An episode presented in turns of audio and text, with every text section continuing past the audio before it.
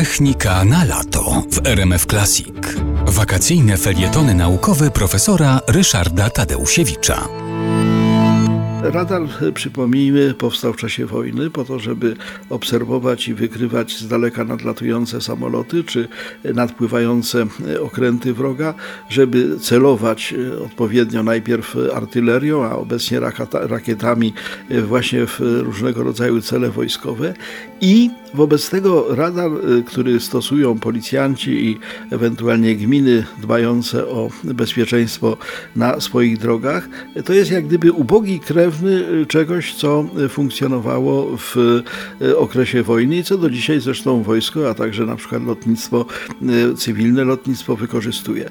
Przypomnijmy, że radar funkcjonuje na tej zasadzie, że ze specjalnej anteny wysyłana jest wiązka fal radiowych, która jak gdyby oświetla teren, czy powiedzmy przeszukuje teren i napotkane obiekty, może to być na przykład jadący samochód, odbijają tę falę radiową, ta fala wraca do anteny, no i zanotowany impuls pozwala stwierdzić, że po pierwsze taki czy inny obiekt znajduje się w określonym miejscu, po drugie pozwala dokładnie zmierzyć odległość, to na przykład jest ważne przy ostrzale artyleryjskim, ale również pozwala zmierzyć prędkość.